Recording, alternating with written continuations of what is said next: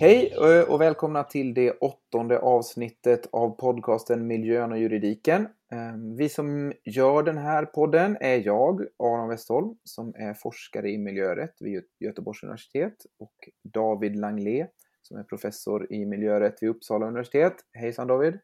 Hej Aron, kul att vara här som vanligt. Ja, eh, det blir kul det här för idag har vi ju som vanligt med oss en gäst och gästen idag är Anna Kristiansson som är docent i miljörätt vid Stockholms universitet. Hej Anna! Hej Aron, hej David! Hej! Kul att vara här. Ja, väldigt kul att du ville komma hit. Eh, jag tänker, du har ju sysslat med liksom, vad ska man säga, det mesta inom miljörätt känns det som. Så att eh, vi hade väl kunnat bjuda in dig lite till att prata om vad som helst. Eh, men eh, mer specifikt har ju ganska mycket av din forskning ändå handlat om havet och havsmiljön och sådär, precis som både jag och David har sysslat med. Och det är väl det vi ska försöka prata om idag, mer specifikt fisket har vi tänkt oss. Ja, nej men, ja, jätteroligt. Eh, alltså senaste tiden har väl en stor del av forskningen handlat om just eh, fiskelagstiftning och kanske särskilt då samordningen mellan fiske och miljölagstiftning och rättsliga förutsättningar för att genomföra en ekosystembaserad fiskeriförvaltning. Så jag antar att vi kommer att prata lite om idag. Det tror jag också. Det känns som att det finns ganska mycket här att gräva i. Fiske är ju ett ämne som ganska ofta är på tapeten men som också är rätt svårgenomträngligt tycker jag som inte har satt mig in i det allt för mycket. Och det har väl att göra med att i Sverige styrs fisket till ganska stor del från en EU-nivå samtidigt som vi också har möjligheter att reglera vissa frågor eh, nationellt. Så det är väl tanken att vi ska börja i det idag, tänker jag. Att vi pratar lite om hur styrningen ser ut i EU och vad vi kan göra här i Sverige. Och sen kan vi ju gå över till att prata mer om det här då med ekosystembaserad förvaltning av fisket och hur det påverkar både den svenska lagstiftningen men också själva förvaltningen. Ehm, jag tänker David, du kanske vill börja lite och redogöra för eller prata om hur, liksom, vad som gäller på en EU-nivå kring fisket. Vad gäller? Vad gäller? Ja, men det, en, det, var en enkel och bra fråga. Nej, men jag tror att för att förstå fiskeregleringen och fiskets liksom, problematik så behöver man lite historiskt perspektiv. Och eh, alltså när Sverige gick med i EU 95, då hade EU redan en, en ganska liksom, omfattande, välutvecklad eh, reglering av fiske. Men så har det inte alltid varit, utan när EU bildades då på 40-talet så var fiske en väldigt marginell fråga. Det var liksom ett bihang till jordbrukspolitiken. Jordbruk har varit viktigt, fisk har setts som en väldigt marginell företeelse inom EU. Inte därför att alla medlemsstater tyckte att fisket var marginellt, men helt enkelt därför att um, på den tiden så gjorde staterna inte anspråk på så stora exklusiva fiskezoner, det vill säga att det mesta fisket skedde i det fria havet. Och då såg inte EU det fisket som någon viktig fråga riktigt att reglera. Ehm, sen på 70-talet, på slutet av 70-talet, då hade vi en utveckling inom den internationella havsrätten som var ganska liksom, dramatisk. Ehm, där ett antal länder, i, ja, i Europa så var det framförallt Island, så småningom Norge som gick i bräschen och utvidgade, gjorde mer um, omfattande anspråk på att ha exklusiv rätt att fiska längre och längre ut från den egna kusten. Och till slut 1977 så bestämde sig EUs dåvarande medlemsstater för att de skulle liksom följa i de här spåren och utropade då eh, ekonomisk zon, alltså ett, ett, ett, område som sträcker sig långt ut i havet där man då eh, har numera har rätt, det är etablerat i havsrätt, att man har rätt ut till 200 nautiska mil att göra anspråk på exklusiv kontroll över alla naturresurser. Och det här innebar dels att det blev väldigt stora vattenområden och fiskevatten som så att säga föll direkt under medlemsstaternas eh, exklusiva kontroll men det innebar också att flera medlemsstater förlorade väldigt viktiga fiskområden därför att de nu hamnade under isländsk eller norsk kontroll eller så. Och det här triggade eh, tillsammans med att Spanien var på väg in i unionen i början på 80-talet så triggade det en, eh, ja, en, en, snabb utveckling av en gemenskapspolitik på fiskets område. Man liksom konsoliderade det som hade funnits tidigare. Så från 1983 egentligen så har EU haft det man kallar för en gemensam Eh, fiskepolitik som har varit väldigt eh, omfattande. Common Fisheries Policy på engelska. Och den här fiskepolitiken har från början inte handlat så mycket om att liksom bevara ekosystem eller fisk som naturresurs egentligen i, i liksom ett, ett ekosystemperspektiv, utan det har handlat om att här har vi en begränsad naturresurs, den ska vi nyttja och vi ska göra det på ett sätt som vi uppfattar som politiskt rättvist. Det har varit mycket frågan om hur man ska fördela resursen mellan medlemsstaterna och deras olika fiskeflottor. Ehm, och här kommer den här eh, grundtanken som liksom genomsyrar EUs fiskepolitik som, handlar, som heter relativ stabilitet. Det vill säga att eh, den fisk som finns tillgänglig, den ska fördelas mellan medlemsstaterna utifrån eh, vissa principer och det här ska vara likartat, eller en fördelningsnyckel kan man säga. Den här ska vara eh, densamma år från år. Så den rör man inte om det inte är så att en medlemsstat lämnar unionen eller en stat tillkommer och så vidare. Så i princip så ska den här vara fast. Um, och vad är det då som ska fördelas enligt den relativa stabiliteten? Jo, det är de totala fångstmöjligheterna. Och här behöver man då förstå att innan ett land går med i EU, som Sverige till exempel, ja, då har man enligt havsrätten och den internationella havsrättskonventionen, så har alla stater då rätt att eh, självständigt utnyttja naturresurserna i det som kallas för den ekonomiska zonen, alltså ut till 200 nautiska mil från kusten. I ett svenskt perspektiv är det väldigt mycket. Eh, det finns inget fritt hav till exempel i Östersjön, utan allting, eh, hela Östersjön täcks av eh, territorialhav som är ut till 12 nautiska mil, det vill säga ja, två landmil lite drygt, eller ekonomisk zon. Så allt fiskevatten egentligen i Östersjön faller under någon kuststats exklusiva kompetens att reglera. Men när man går med i EU så därigenom så överlåter staterna egentligen all rätt att reglera fisket och hur fisket ska bedrivas till unionen. Och eh, fiskepolitiken är också så kallad exklusiv EU-kompetens, det vill säga medlemsstaterna har så att säga överlämnat all beslutskompetens till unionen. Alla beslut om fiskeförvaltning ska ske gemensamt genom EUs eh, sekundärrättsakter och beslut av Eh, parlamentet och rådet. Så det man gör är egentligen att man polar alla fiskevatten, alla fiskeresurser och sen så har man en gemensam beslutsprocess för det här. Och då talar man om eh, total fångstvolym eller total tillåten fångst.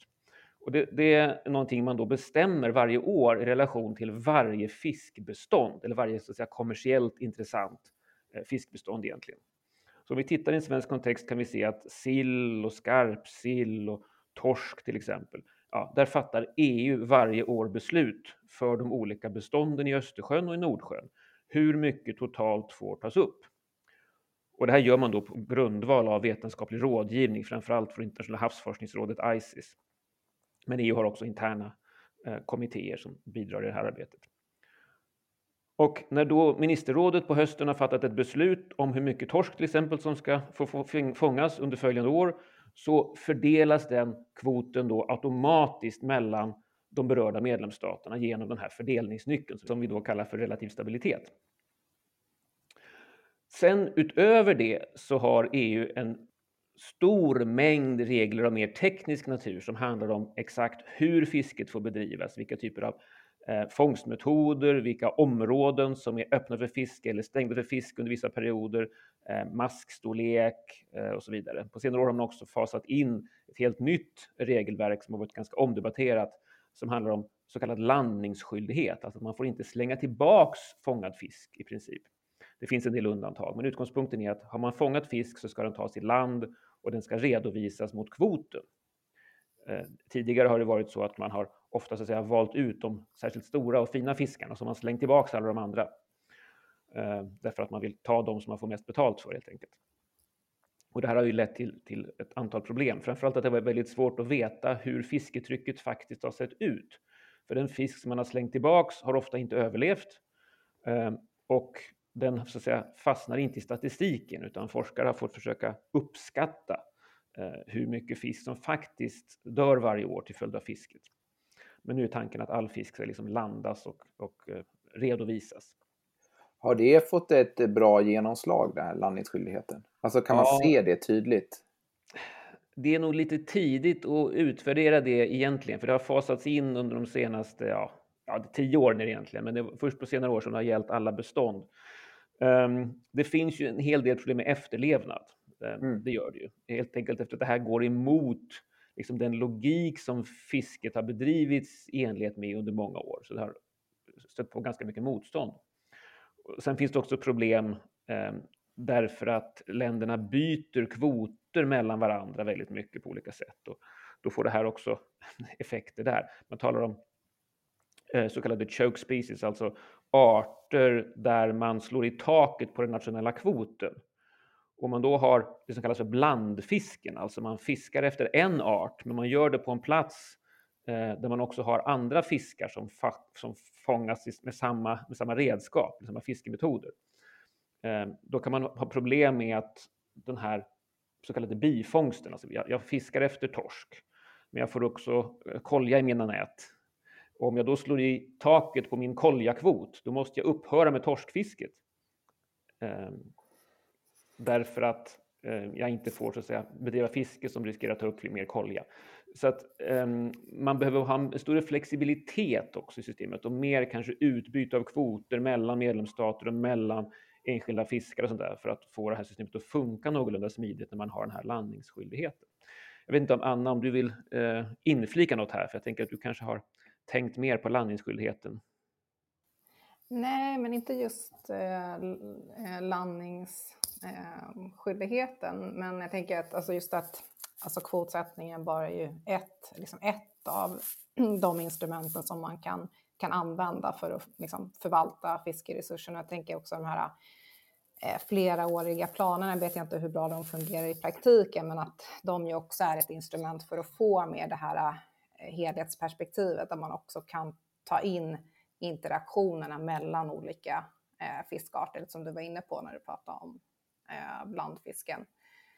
Ehm, sen, jag tänkte på, det var ju väldigt intressant där du berättade om den här historiska utvecklingen. Man kan ju också se att fiskeripolitiken har gått mer mot att ta in liksom, miljöfrågorna eh, och bli tydligare att eh, fiskeripolitiken ska nå ett liksom, miljömässigt hållbart eh, fiske också på lång sikt.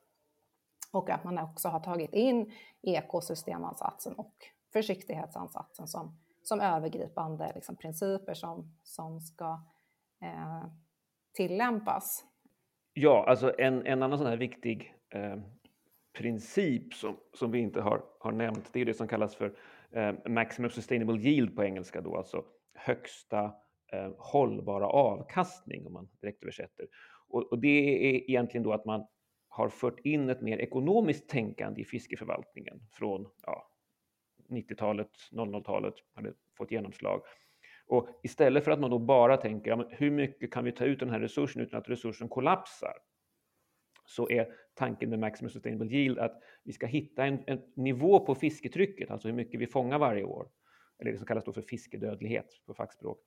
Um, som inte bara innebär att beståndet inte försvinner och kollapsar, utan också att vi varje år framöver kan ta ut så att säga, maximalt eh, ekonomiskt värde ur den, här, ur den här resursen, alltså det här fiskbeståndet. Um, och det här har gjort att man då ofta ligger lite kanske över i beståndsstorlek än vad man hade gjort eh, tidigare när man bara då skulle undvika att beståndet kollapsade. Så det har ju i sig eh, haft kanske vissa så att säga, positiva ekologiska effekter. Men samtidigt har den här eh, Maximum Sustainable Yield den utmaningen att man då fokuserar ganska snävt ofta på en, ett bestånd i taget. Alltså till exempel eh, det södra torskbeståndet i Östersjön eller en visst bestånd av hälleflundra eller vad det kan vara. Men i verkligheten, ute i ekosystemet, så är naturligtvis torsken är ju beroende av en mängd andra arter och andra arter är beroende av torsken. Så eh, om vi varierar fisketrycket på torsken så kommer det att ha konsekvenser på andra arter och omvänt. Om vi eh, ökar fisketrycket på sill till exempel så kommer det att ha effekter på torskbeståndet. Men de effekterna är ofta ganska svåra att förstå i förväg och modellera. Sen har vi en massa andra miljöfaktorer med klimatförändring, med övergödning, med ja, Östersjön handlar förstås om inflöde av saltvatten eh, som sker ganska sällan och som liksom har fundamentala effekter på ekosystemets funktion. Så att förvalta fisken på ett hållbart och liksom inkluderande sätt är naturvetenskapligt väldigt utmanande. Och även om eh, fiskeripolitiken och fiskerijuridiken rör sig i den riktningen. Man kan säga att var tionde år ungefär så revideras och genomgår EUs fiskepolitik en ganska omfattande revidering. Och varje gång sedan 80-talet då, så har man egentligen fört in mer, som Anna säger, mer av miljötänkande, mer av eh, ekosystemperspektiv. Och nu har vi ju uttryckligen också då, som Anna säger, eh, ett krav på att det ska vara en ekosystemansats som ska vara utgångspunkten för fiskeförvaltningen. Men vi har ganska mycket kvar att göra, både naturvetenskapligt, att förstå ekosystemet och att också så att säga, översätta naturvetenskapliga insikter i praktiska förvaltningsmekanismer som förmår att ta tillvara kunskapen och liksom förvalta med en slags eh, fingertoppskänsla för, för de här förändringarna som hela tiden sker i ekosystemet. Jag skulle, jag skulle egentligen vilja stanna lite kort vid de här kvoterna. Mm. Eh, för att eh, jag vet att jag har, som sagt har jag inte satt mig in i fisket allt för mycket, men jag känner att jag ändå har läst kritik mot de här kvoterna, att det är då den här, att det är ICES kommer med förslag på vad som skulle vara en, eller vad som är en maximum sustainable yield då. Om vi säger att det, det var nog det jag menade att vi skulle stanna vid egentligen. Eh, men att den, vad som är faktiskt sustainable, att det sen beslutas ju politiskt. Och att de kanske inte alltid ligger på samma nivåer som, som de vetenskapliga råden. Är det, är det liksom en kritik som fortfarande är relevant? Alltså det finns ju massa statistik över det där. Um, och man kan väl säga att det finns positiva tendenser. Alltså diskrepansen mellan de vetenskapliga råden och de politiskt beslutade nivåerna, alltså det faktiska fisketrycket. Eller ja, det faktiska fisketrycket omfattar ju också då det fiske som bedrivs eh, illegalt. Eh, mm. Och det är klart att det, det förekommer en del fusk, eh, så är det ju. Men, men liksom det politiskt sanktionerade fisketrycket och det vetenskapligt rekommenderade fisketrycket, där finns det ofta en diskrepans. Eh, och som du säger, menar, politiken utgår från de vetenskapliga råden men lägger också in arbetsmarknadspolitiska och regionalpolitiska och andra tankegångar. Men eh, vi kan ju se en minskning i skillnaderna över tid. Så de senaste ja. tio åren så, så, har det börjat se bättre ut. Och de här eh, förvaltningsplanerna som Anna nämnde, de ska ju också bidra till att man inte får så stora fluktuationer. Förut har det ofta varit så att ja, om nu ehm, eh, ICES, alltså forskarna, säger att ja, men nu har vi, ett, vi har en, en, en stor årskallass av eh, torsk eller av sill eller här i södra Östersjön från 2020. Och nu kommer den in och kan bli fiskningsbar 2022 ja, då har politiken ofta genast reagerat och sagt att då ska vi höja kvoterna med 30 procent 2022. Eh, medan ett mer så att säga, hållbart perspektiv är att se att ja, men det här är en naturlig fluktuation och det kommer snart att gå ner igen. Eh, för så funkar det normalt sett och vi kan inte plötsligt liksom kasta oss upp eller ner i kvot, eller det är inte, inte konstruktivt, utan vi behöver hitta en, en, en långsiktig hållbar nivå. Och det är en, en av de här tankarna med förvaltningsplan, att man ska liksom, eh, staka ut en mer långsiktig nivå eh, som man ska ligga på eller i närheten av.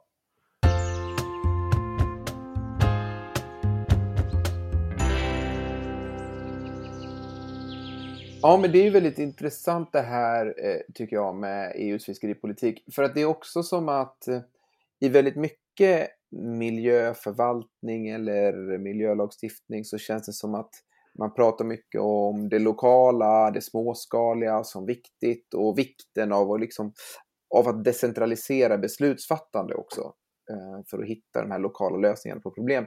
Och jag har alltid betraktat EUs fiskerilagstiftning som den liksom, antitesen till den här typen av miljöförvaltning.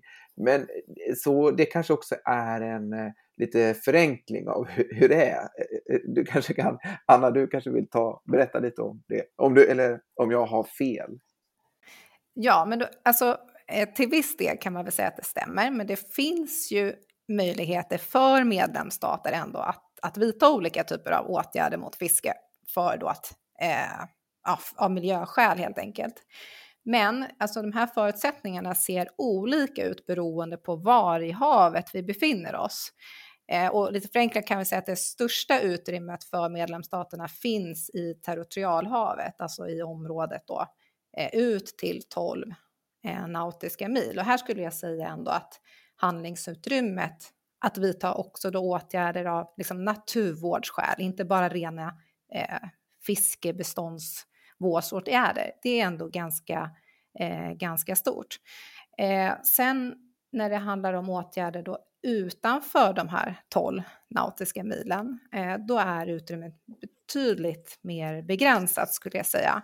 Här kan medlemsstater initiera olika typer av åtgärder, men när de här åtgärderna också då berör andra staters fiske, då ska det ske ett särskilt samrådsförfarande eh, med de berörda Eh, medlemsstaterna och med kommissionen. Och sen är det i slutändan kommissionen som antar de här nya reglerna genom då så kallade eh, delegerade akter.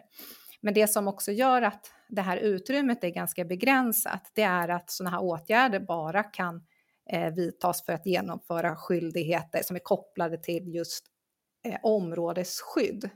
Alltså förpliktelser, förpliktelser som följer av art och habitatdirektivet, fågeldirektivet och havsmiljödirektivet.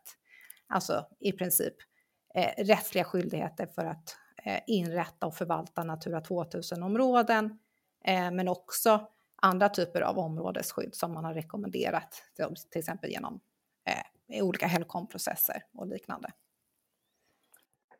Just det, så att eh, när till exempel det diskuteras, eh, jag såg med anledning av den här biologisk mångfald konvention, eller äh, mötet nu, att de pratar om att flytta ut trålgränsen, att det var en av liksom, våra lösningar. Och det här med trålgränsen, det är ju då inget problem för oss, helt enkelt utifrån EU-lagstiftning.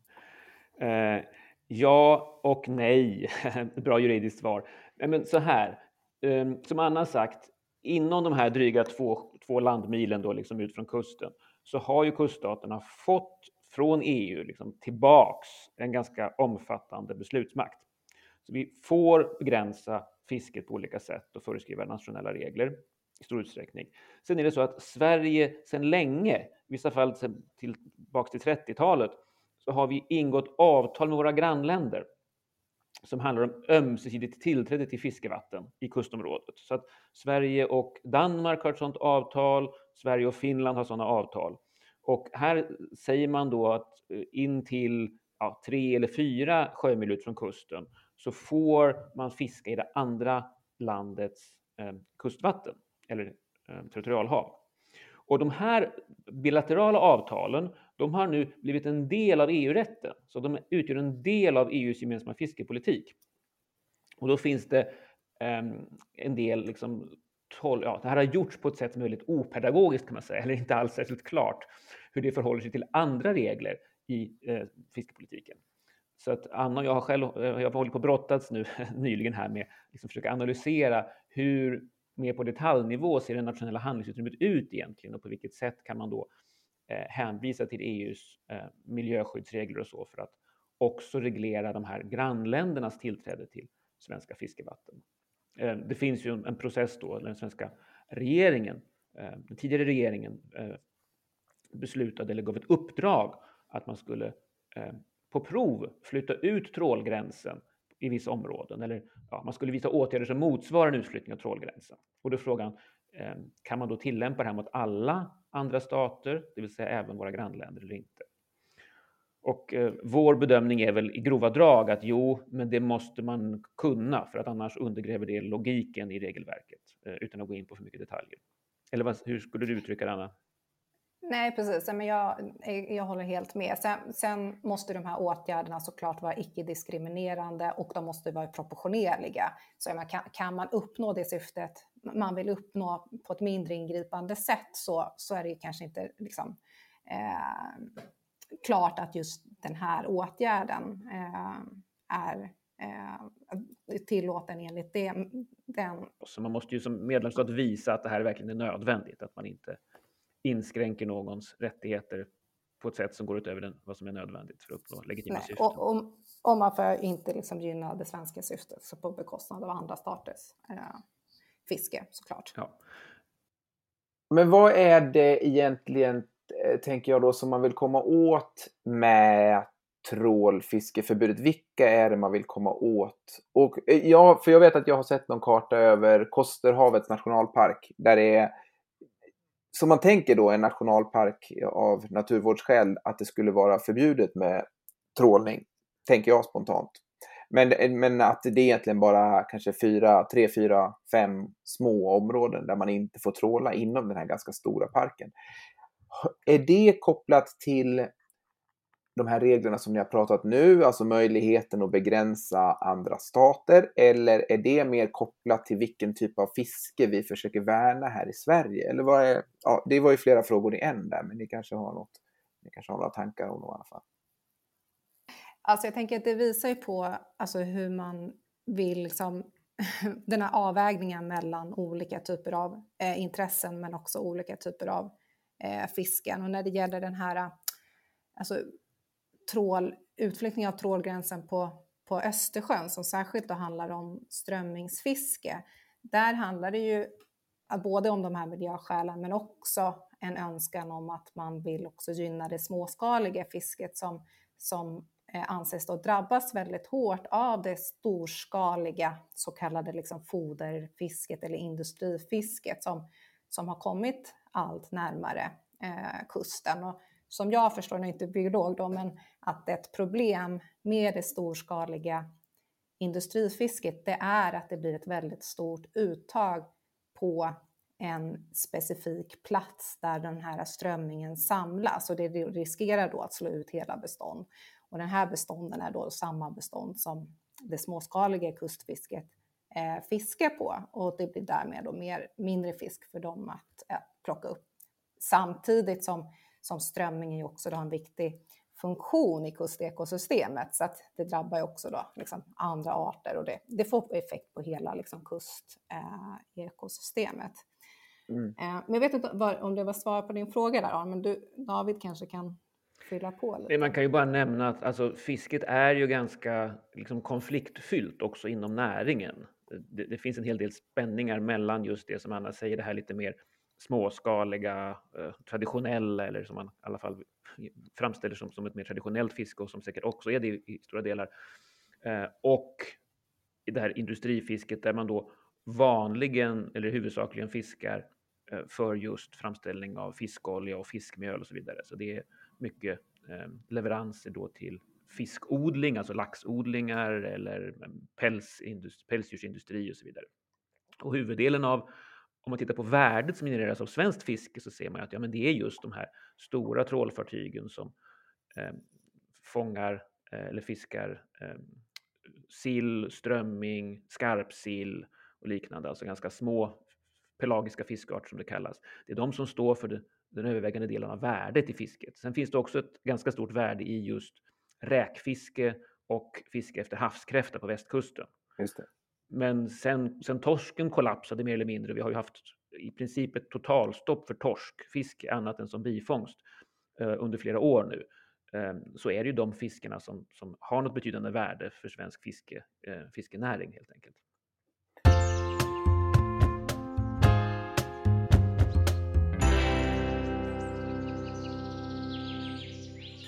Ja, som jag eh, började med att säga, det är ett ganska svårgenomträngligt ämne det här. Det är liksom både regleringsnivåerna och möjligheterna till reglering men också vilka är de här olika intressena då som är ganska starka och att det finns stora konflikter här. Men då för att göra det ännu mer eh, liksom komplicerat så tänker jag att vi ska säga någonting om den här ekosystembaserade förvaltningen. Vad innebär det egentligen? Vad blir det liksom, i, om vi försöker konkretisera, vad, vad innebär en ekosystembaserad fiskeförvaltning? Ja, alltså, ja, precis. Det beror på vem man frågar. Mm. Nej, men alltså det finns ju faktiskt en definition i, eh, i den här så kallade grundförordningen för fiske som är liksom det övergripande regelverket inom, inom EU. Och man kan väl säga att kärnan i den definitionen är ändå att Eh, fiskeriförvaltningen ska hållas liksom inom ekosystemets gränser. Att man, man ska säkerställa de här olika biologiska processerna som behövs för att upprätthålla liksom biologisk mångfald och ekosystemtjänster. Och att man ska minimera fiskets påverkan på eh, marina ekosystem. Och att man också ska liksom beakta att det finns ofullständig kunskap. Alltså det räcker med risk för att man ska kunna vidta olika typer av, av åtgärder. Men alltså, ja, det här är då en övergripande liksom, målsättning som finns. Men om man sen börjar titta lite mer i liksom, detaljerna i regleringen så kan man väl inte se att det liksom riktigt genomsyrar lagstiftningen. Och i hela den här äh, uppdelningen mellan fiskelagstiftningen och miljölagstiftningen gör ju att det blir svårt att i praktiken ha en ekosystembaserad förvaltning. Äh, så att det man skulle till exempel kunna tänka sig att de här åtgärdsprogrammen för vatten och havsmiljö, där man kommer fram till vilka olika typer av åtgärder som behövs för att uppnå god miljöstatus, skulle vara bindande då till exempel för, för fiskebeslut. Men, men det är de ju inte. Eh, och det finns liksom, ah, det finns, alltså, i vår forskning har vi sett flera liksom brister i den här genomförandet av ekosystembaserad förvaltning. Eh, och jag tänker att i, i praktiken så eh, finns det också en hel del eh, liksom brister i genomförandet av det. Men, men det är en övergripande målsättning. Sen kan man lägga till att liksom själva grundpremissen här också, att man ska göra någonting inom ekosystemets gränser, är i sig svår. Därför att det är inte så att ekosystemets gränser finns där ute och vi kan gå ut och liksom bara hitta dem. Eh, dels därför att ekosystem är ju någonting, ett begrepp som vi människor har hittat på. Liksom. Naturen finns där ute, men, men, när vi talar om det som ett ekosystem så måste vi först avgränsa. Vi måste avgränsa det geografiskt, vi måste av, bestämma på vilken liksom, upplösningsnivå vi befinner oss, hur detaljerat vi ska betrakta ekosystemet. Eh, sen är det också så att om vi tittar på till exempel Östersjön så är det ju ett område som har varit utsatt för massiv mänsklig påverkan under väldigt lång tid. Både genom fiske men också genom övergödning och så vidare. Så vi har en helt annan Östersjö, ett helt annat e-, ekosystem idag än vi hade för kanske 200 eller ens 100 år sedan. Så de här gränserna är ju någonting som vi först måste bestämma. Liksom. Hur anser vi att ekosystemets gränser ska vara? Det vill säga vilket ekosystem är det vi vill ha? Ehm, så det är en flerstegsprocess här. Först genom havsmiljödirektiv och annat så måste man då på vetenskaplig grund och i slutändan politiskt på något sätt komma fram till att det här är ekosystemets gränser. Och sen ska man försöka operationalisera det genom att länka ihop fiskepolitiken och miljöpolitiken och omsätta det i effektiva förvaltningsåtgärder på grundval av bristande vetenskaplig förståelse av jäkligt komplexa naturliga processer och mekanismer. Så det är ju liksom på något sätt en otacksam uppgift det här att, att sätta folk att göra, genomföra en ekosystembaserad fiskeförvaltning eftersom det är så, så svårt. Och på detta så kommer då de här motstående intressena med arbetsmarknadspolitik och regionalpolitik och, det ena med det andra. Ja, det var, det, det, Men jag, ja, förlåt. alltså får jag bara lägga till där, alltså bara det här liksom att man inte sätter, eh, alltså när man fastställer kvoter, alltså då gör man det utifrån då att man ska uppnå den här målsättningen som David nämnde tidigare med eh, maximum sustainable yield och det gör man då baserat på enskilda bestånd och inte med hänsyn till interaktioner. Så där har vi en stor brist. Eh, och som jag förstår så är det liksom inte ens att man tar hänsyn till eh, ålders och liksom individstorlekens struktur eh, när man fastställer de här eh, kvoterna. Så att liksom, det känns som att vi har en väldigt lång väg kvar att gå innan vi kan eh, prata om en förvaltning som är ekosystembaserad. Mm. Mm. Jo, det där är ju intressant. Man talar mycket om biomassa till exempel. Och det är som att om man på land skulle tala om liksom älgbiomassan. Det är ju ingen som gör det. Man talar om hur många kalvar det finns och hur många kvigor det finns i vilken ålder och så som man ska skjuta av per år. Inte den totala volymen i ton av älg i Sverige. Liksom. Men när det gäller fisket så är det på den nivån vi ofta pratar. Precis, men jag, jag tycker det är väldigt intressant eh, som du är inne på att man inom ramen för havsmiljödirektivet då sätter någon typ av gräns eller sätter en målbild för vad man tycker är ett rimligt ekosystem att ha i Östersjön, kan vi ta som exempel då. Eh, men hur pass synkade är de här två politikområdena med varandra? För jag tänker att ganska ofta är det ju så att när två olika politikområden ligger under två olika direktorat i EU så kan det leda till att eh, det blir väldigt skilda verklighetsuppfattningar. Och, men framförallt också att de ju är styrda av olika logiker där man har ett direktorat som är, liksom är styrt utifrån en miljölogik och sen har vi ett marknads eller vad det nu är, eller liksom ett, mer ett businessinriktat direktorat som har en annan logik i sin Eh, sitt beslutsfattande. Så hur funkar den synkningen mellan de två eh, politikområdena? Alltså jag skulle säga att alltså, samordningen har ju blivit bättre i och med den senaste reformen och inte minst då genom att man inför den här möjligheten också ekonomisk zon att faktiskt genomföra åtgärder för att genomföra krav som följer av EUs miljödirektiv. Så där har man ju ändå liksom gjort en koppling mellan de här två olika eh, politikområdena.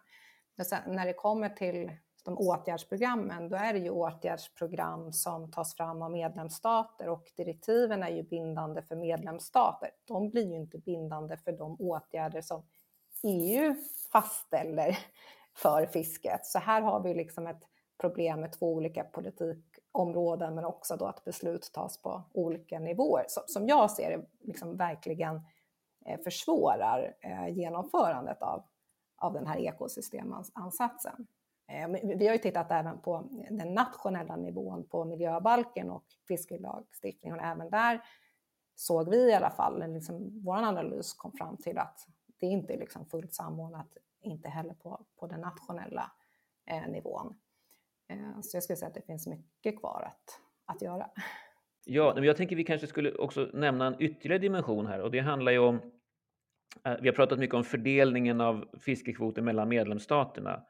Men det är ju intressant också att tänka på hur fördelas fisket mellan de enskilda fiskarna eller fiskefartygen. Och här har EU inte haft särskilt stort inflytande, lustigt nog. Trots att det är en sån här väldigt harmoniserat politikområde så har man i princip överlåtit till medlemsstaterna att bestämma hur de nationella kvoterna ska fördelas. Och då kan vi se att eh, i Sverige har vi då till exempel, när vi talar om sill och strömming, så, så har vi då en, en kustkvot som ska vara liksom reserverad för det här lite mer småskaliga fisket. Och sen har vi en pelagisk kvot för de stora eh, trålfartygen. Sen har vi också eh, gradvis infört allt mer så kallade individuella eller överlåtbara individuella fiskerättigheter. Och det här är ju, om man frågar en ekonom, varför är det svårt att förvalta fisk? Så är svaret därför att det inte finns någon äganderätt. Alltså fisken är en free for all resurs. Och det betyder att den som kommer först fram och kan dra upp fisken ur vattnet får fisken så att säga. Och det här skapar incitament för överinvestering i fiskekapacitet. Alltså har man en nationell kvot på torsk till exempel, ja då gäller det att få upp så mycket av den kvoten som möjligt själv innan någon annan fiskare kommer fram och tar torsken i fråga. Eh, så då blir det liksom, för den enskilde blir det ekonomiskt rationellt att ha för stor kapacitet, för stora fartyg, för många nät, för många gubbar som står och drar i näten och så vidare. Men det är klart samhällsekonomiskt och också för fiskeresursen så är det ju förödande. Eh, så därför har många länder och så småningom också eh, ja, EU har inte infört det här som något krav, men har liksom, man kan säga, uppmanat eller uppmuntrat medlemsstaterna att det här kan vara en bra idé att använda sig av individuella kvoter. Så det har Sverige nu infört på många viktiga fisken. Och då är ju tanken att eh, yrkesfiskare får så att säga en garanterad rätt till en viss andel av den nationella kvoten. Och dels så innebär det ju att man kan faktiskt tjäna pengar utan att fiska genom att sälja den här andelen till någon annan eller hyra ut den under ett år och så vidare. Eh, men det är också så att andelens värde ska ju då återspegla eh, beståndets kvalitet eller tillståndet på fiskebeståndet. Så om jag har ett välförvaltat sillbestånd eller vad det nu kan vara så är värdet på min individuella överlåtbara eh, andel högre än om jag har ett dåligt förvaltat, bräckligt bestånd. Så det ska också skapa incitament för den enskilda fiskaren eller fiskeföretaget att liksom tänka långsiktigt. Och man behöver inte heller fånga så stor andel som möjligt av den nationella kvoten så snabbt som möjligt för att man vet att jag är garanterad att få mina 7% eller 2% eller 5% eller vad det kan vara av den nationella kvoten. Liksom. Även om det tar lite längre tid för mig att få upp den ur, ur vattnet. Men visst är det så att det inte är jättemånga som har de här kvoterna va? Att det är ganska koncentrerat? Alltså det ser lite olika ut på olika fisken skulle jag säga. Ah, okay. Jag tror Anna har mer kanske. Ja, jag tror jag såg i någon eh, rapport från Havs och vattenmyndigheten, den är i och för sig några år gammal, men att jag tror att sedan man införde det här systemet var väl 2009 så på typ kanske fem år eller något sånt där så halverades antalet fiskefartyg. Nu pratar vi det pelagiska fisket då, som där bland annat annan eh, strömming eh, och liknande. Eh, så det, det, har ju fått en eh, stor effekt på liksom själva strukturen i fiskeflottan med då större och färre fartyg. Just det. Men den andra, till exempel räkfiske, tror jag inte man har haft riktigt den utvecklingen. För där har man försökt designa systemet för att man ska fortsätta att ha ganska många färre, eller förlåt, ganska många och mindre båtar istället. Man tycker att den här liksom Ja. Det finns ju gränser då i det pelagiska fisket också, att man får bara ha en viss ägar, alltså koncentration och liknande. Så att det... ah, ja. ingen, ingen, får, ingen får äga mer än en viss procent av det totala antalet eh, kvoter. Så att säga. Just det. Ja, vet ni, eh, det känns som att det finns hur mycket som helst att prata om när det kommer till fisket. Eh, men eh, jag tror ändå att vi måste börja runda av nu. Men jag tycker det har varit ett jätteintressant samtal och det finns så mycket som man kan tänka på här. Men Anna, det var ju jätteroligt att du ville komma och prata med oss och vi kommer säkert höra av oss om andra olika ämnen som vi vill prata om en annan gång. Ja, men tack så jättemycket. Det var jätteroligt att vara med. Ja, stort tack Anna. Jättespännande. Mm, och tack alla som har lyssnat. Vi hörs igen någon gång på det nya året. Hej då! Det gör vi. Ha det fint. Tack så Hej mycket. Hej!